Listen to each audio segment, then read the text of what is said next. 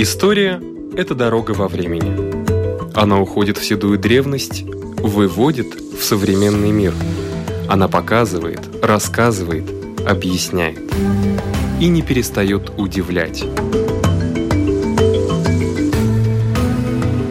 Живая история.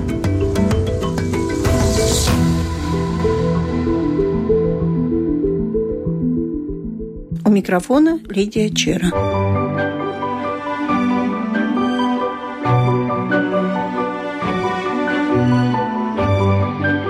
Следующем году исполняется 100 лет Национальной библиотеки. Программа «Живая история» предлагает цикл сюжетов о раритетах, которые там находятся. Итак, заглянем в хранилище редких книг.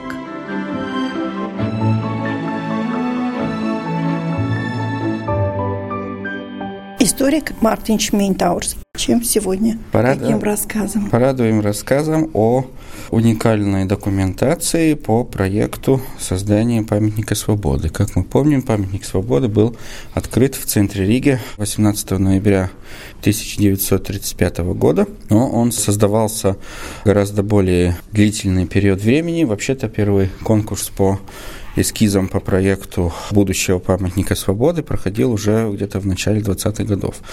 Это требовало довольно длительный период времени, пока мы дошли до того результата, который сейчас стоит в центре столицы и радует жителей и туристов. В Латвийской национальной библиотеке в рукописном отделе сохранился уникальный альбом, который создал архитектор этого памятника Эрнест Шталбергс. Мы все знаем, что у памятников есть автор-скульптор, в этом случае Карл Залев, так же как он является и автором ансамбля братского кладбища в Риге, который тоже создавался под его руководством в 30-е годы.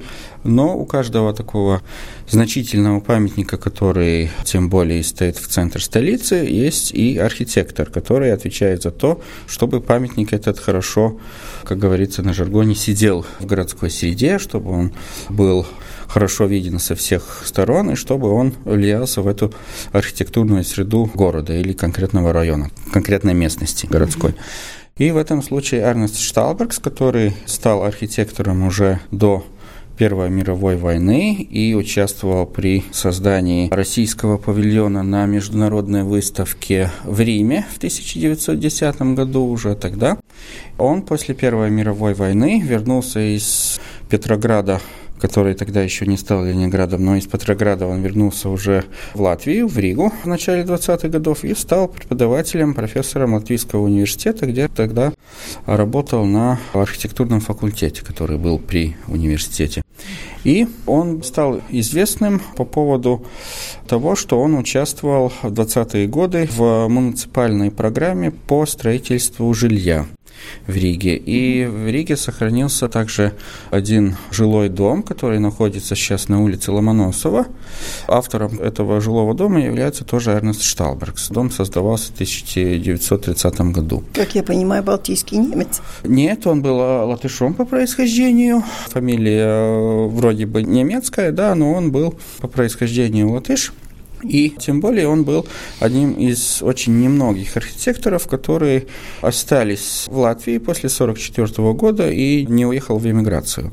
Потому что большинство латвийских и латышских архитекторов, которые работали здесь во времена Первой Латвийской Республики, они в 1944 году уехали из страны и уже работали потом после войны где-то на Западе.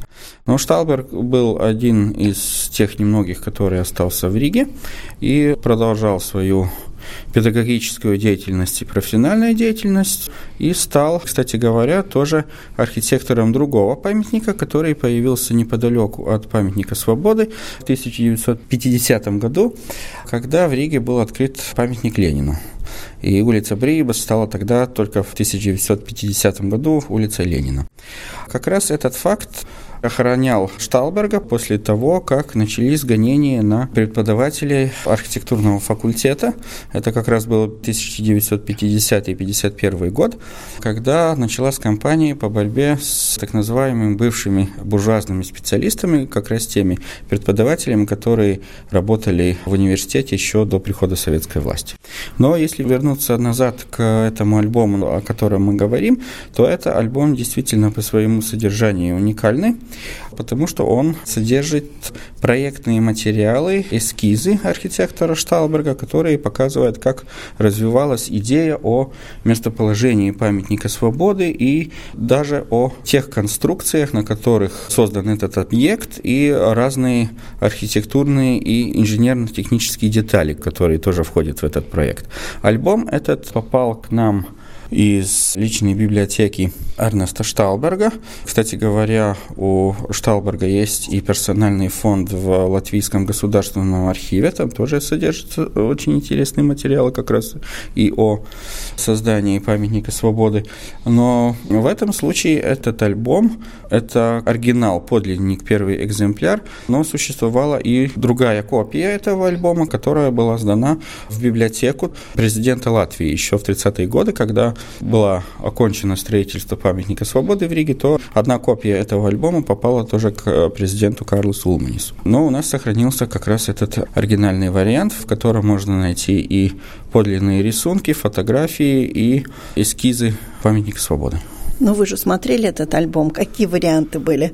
То Вариантов тут было по... очень много. И даже если судить по тем материалам, которые содержатся в этом альбоме, то строительство памятника свободы предполагало еще одну деталь, которая не была создана в 30-е годы, то есть речь идет об оформлении площади вокруг памятника, площади свободы. Там по изначальному проекту Шталбергс предложил построить полукруглую колоннаду по стилю классической архитектуры, которая бы окружила памятник с обеих сторон с бокового подхода и которая бы завершила с архитектурной точки зрения всю эту композицию. Но это по какой-то причине не было построено. Сейчас уже привыкли к тому ландшафту, который окружает памятник свободы, что с двух сторон там уже подходят э, деревья городского парка.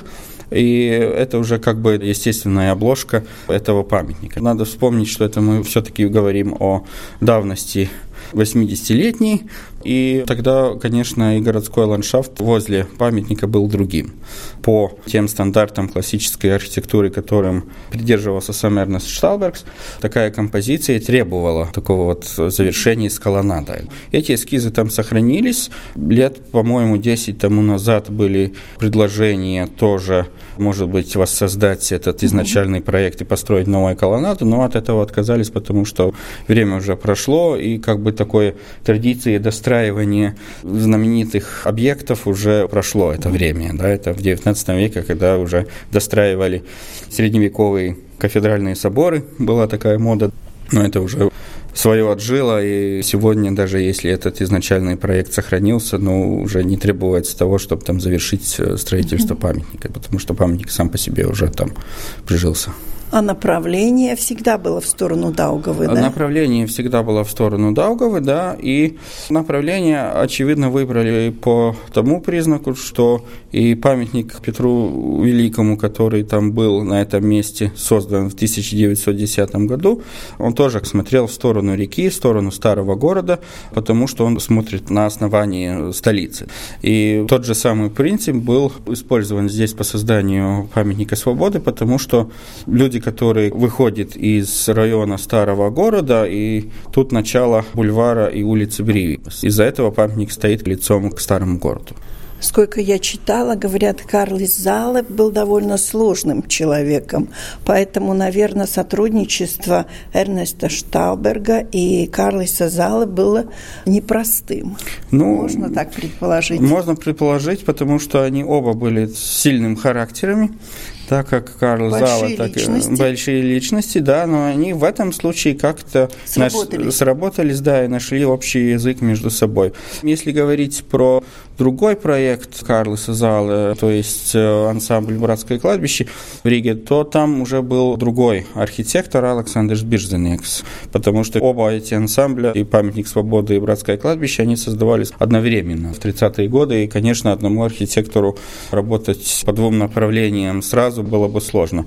Но Шталбергс был авторитетом среди своих сверстников, и его очень хорошо помнили и после войны. Кстати говоря, архитектор Марта Станя, которая была одной из знаменитостей уже после Второй мировой войны. Она создала проект театра Дайлас уже в конце 50-х годов, но строительство очень там затянулось на 20 лет почти.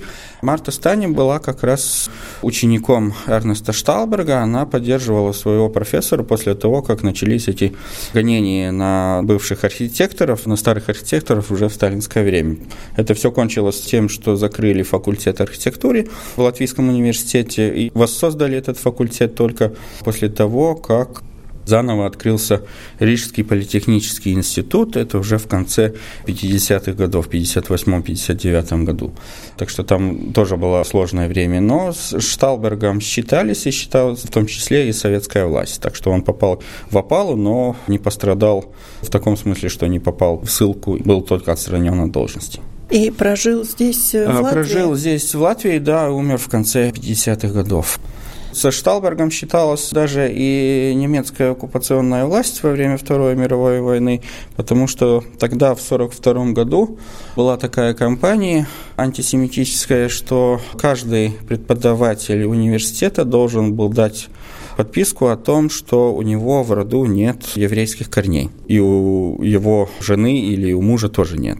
У Шталберга как раз вторая жена была по происхождению еврейкой. И он остался при университете и как-то отстоял свою правду и не дал эту подписку о том, что соответствует стандартам расовой теории нацистской. И он как-то сумел выстоять в этом сложном положении. Ну и после войны в сталинское время он тоже как бы себя отстоял большая личность. И благодаря Шталбергу памятник свободы стоит. Шталберг тоже, конечно, был жив тогда, когда появилась эта идея снести памятники свободы, где-то в начале 50-х годов. Ну, знаем этот рассказ, что и скульптор Вера Мухина там заступилась за памятник свободы, потому что она была однокурсницей Карлоса Зала, когда они оба еще и учились в художественном училище в Казани во время Первой мировой войны. Они были лично знакомы.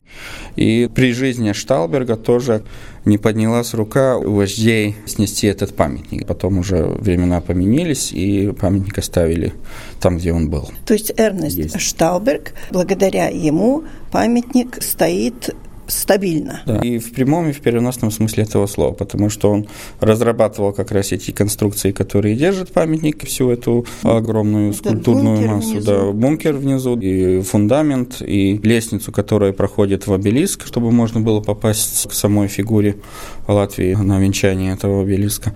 И отчасти и в, в переносном символическом смысле тоже она стоит там, где был построен этот памятник. Спасибо о реликвиях Национальной библиотеки Латвии рассказывал историк Мартинч Мейнтаурс.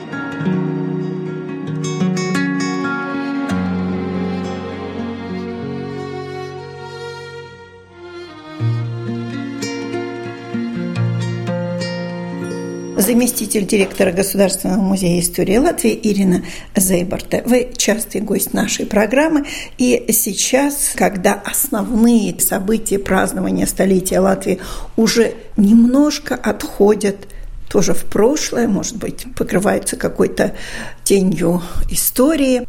Все-таки музей работал и в эти дни очень часто. И чем вы, ну скажем так, заманивали людей к себе в музей? Насчет того, чем музей занимался во время праздников, надо сказать, тяжело работал, но приятно тяжело работали благодаря своим посетителям и всем, кто интересуется историей Латвии. Не все мероприятия были такими, которые были подготовлены на праздник, прошли и все, ничего не осталось. На этот раз как раз наоборот, те основные наши дела, которые были подготовлены к столетию государства, они остались и до сих пор они предоставлены любому посетителю нашего музея. Но, наверное, надо все по порядку рассказать. Да. Ноябрь, наверное, самый темный и мрачный месяц, потому что дни становятся короче, иногда и уже совсем зима приходит. Но в истории Латвии случилось так, что именно два особых дня, связанных с государственностью Латвии, попадают именно на ноябрь. Это 11 ноября, день Ладжплейсиса, и 18 ноября, государственный праздник, день провозглашения независимости нашего государства. И, как всегда, мы к 11 ноября, конечно, готовим программу о ордене Large Places, о награжденных этим орденом. А в этом году особый такой акцент был именно на событие, которое произошло 30 лет тому назад. То есть 11 ноября 1988 года впервые на башне Святого Духа Рижского замка был поднят красно-бело-красный флаг, который тогда еще не был государственным флагом. Это было время третьей атмоды, пробуждения, и это было особым событием. И в связи с поднятием этого флага была основана такая особая группа знамени. И это особая группа знамени, которую поддерживали сотрудники тогдашнего музея истории Латвии, теперешнего Национального музея истории Латвии, была не однодневной такой группой, а той, которая торжественно сменяла знамена на башне. И это событие увековечено в особых книгах, которые так и называются «Книги группы знамени». И в связи с юбилеем 30-летним эта группа, по крайней мере, часть из этих участников, собралась на особое мероприятие и как бы повторила это торжественное поднятие знамени на башне Рижского замка. И в связи с этим один из наших историков и подготовил лекцию о том, как же эта традиция 11 ноября и связанная со знаменем, и с набережной 11 ноября, куда все идут зажечь свечки. Как же она появилась, и как же она развивалась и стала такой традицией, что нам уже кажется, что это было всегда. Эта традиция именно зажигать свечки у стен Рижского замка появилась именно во время отмоды. 30 лет назад. Да, так что это и давняя, и недавняя история, и нам казалось, что очень важно во время этих праздников связать и историю которая столетняя, и историю, которую многие из нас помнят, что происходило 30 лет назад, и то, что происходит с этими традициями, с праздниками сегодня. Для государства 30 лет – это ничто. Для человеческой жизни это достаточно большой этап. Скажите, эта группа пополняется? Нет, эта группа, они сами уже стали историей, наверное, так надо сказать. Группа не пополняется, и это просто встреча соратников, которые тогда хранили это знамя, эту традицию, и когда это в 88-м, 89-м, 90-м, 93-м году, когда последняя запись появляется, была такой даже легендарной в то время.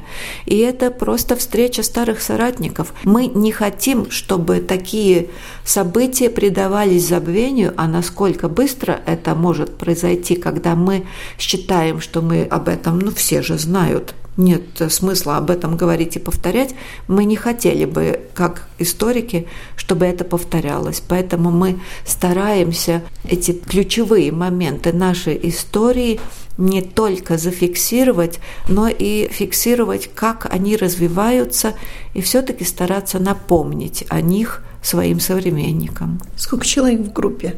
Группа менялась потому что одни люди были постоянными, другими пополнялись, другие уходили.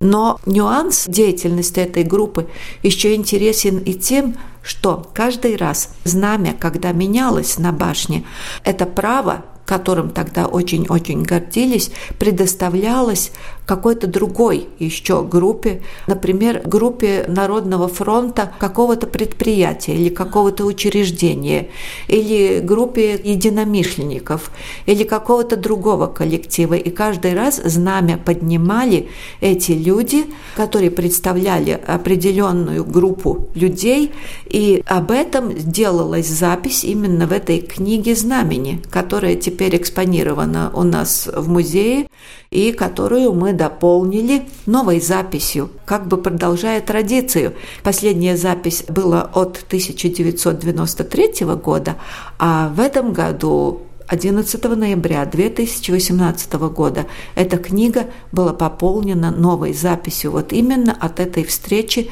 единомышленников первой группы знамени, которая организовала поднятие знамени 11 ноября 1988 года.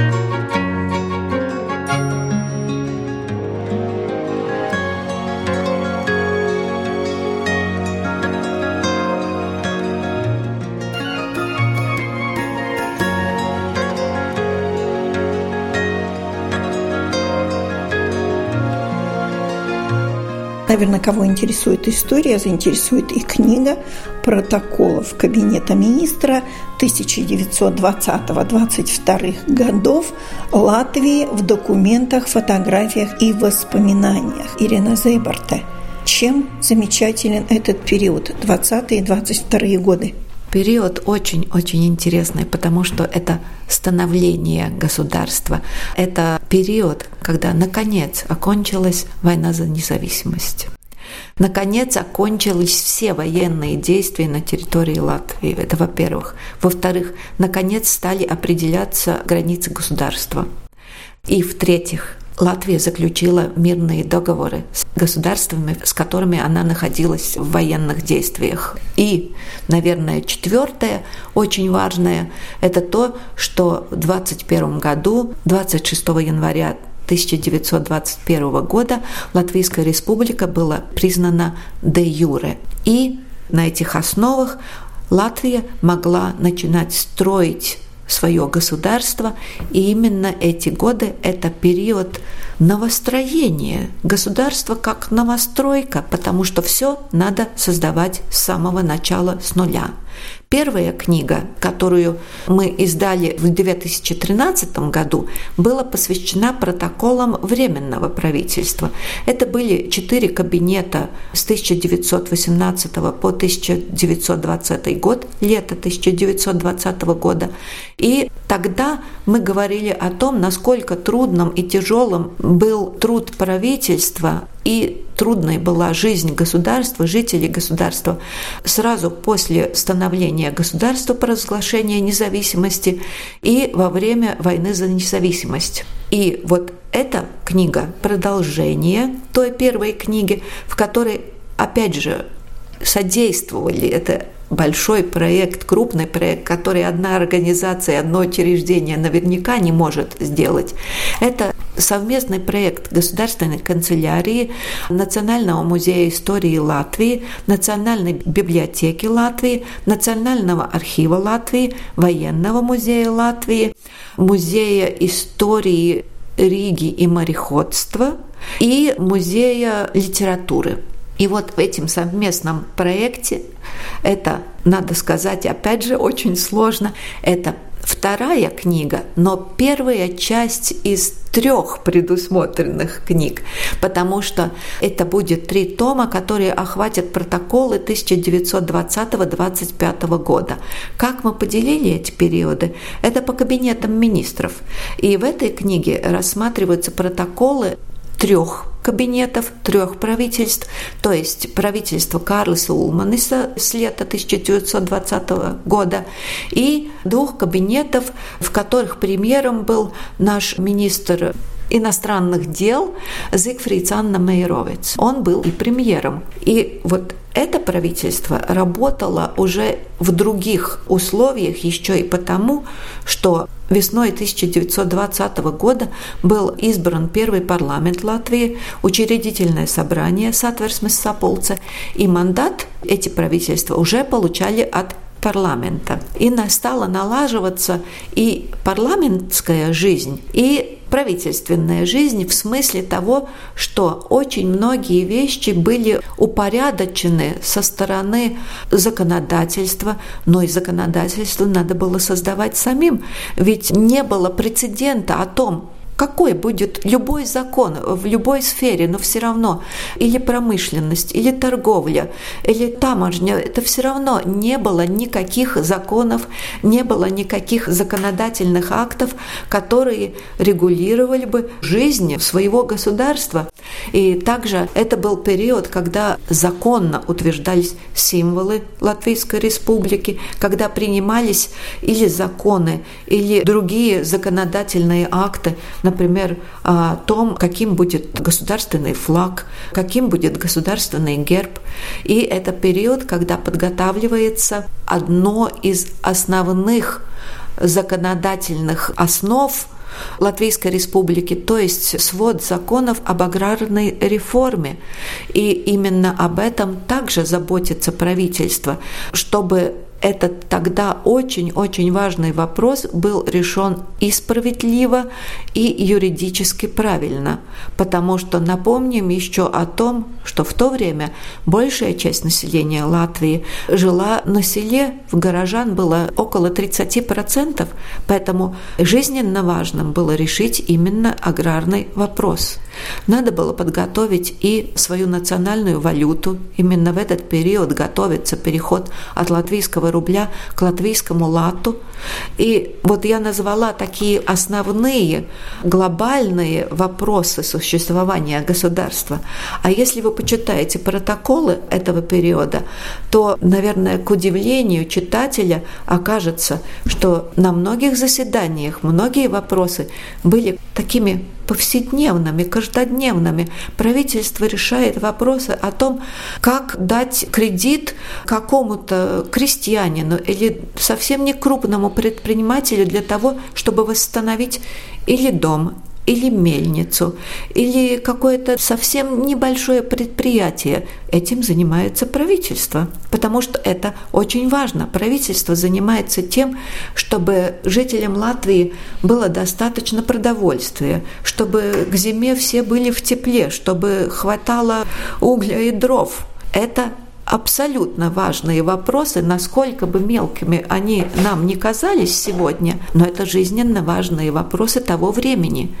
В этой книге не только протоколы, мы постарались их дополнить и воспоминаниями современников, и фотографиями, в которых видны события, о которых говорится в протоколах, и портретами участников этих разных событий, и биографиями министров этих двух кабинетов, руководимых этими премьер-министрами, и, конечно, вырезками из газет, в которых говорится об очень повседневных вопросах, которые в то время были важны для любого жителя государства.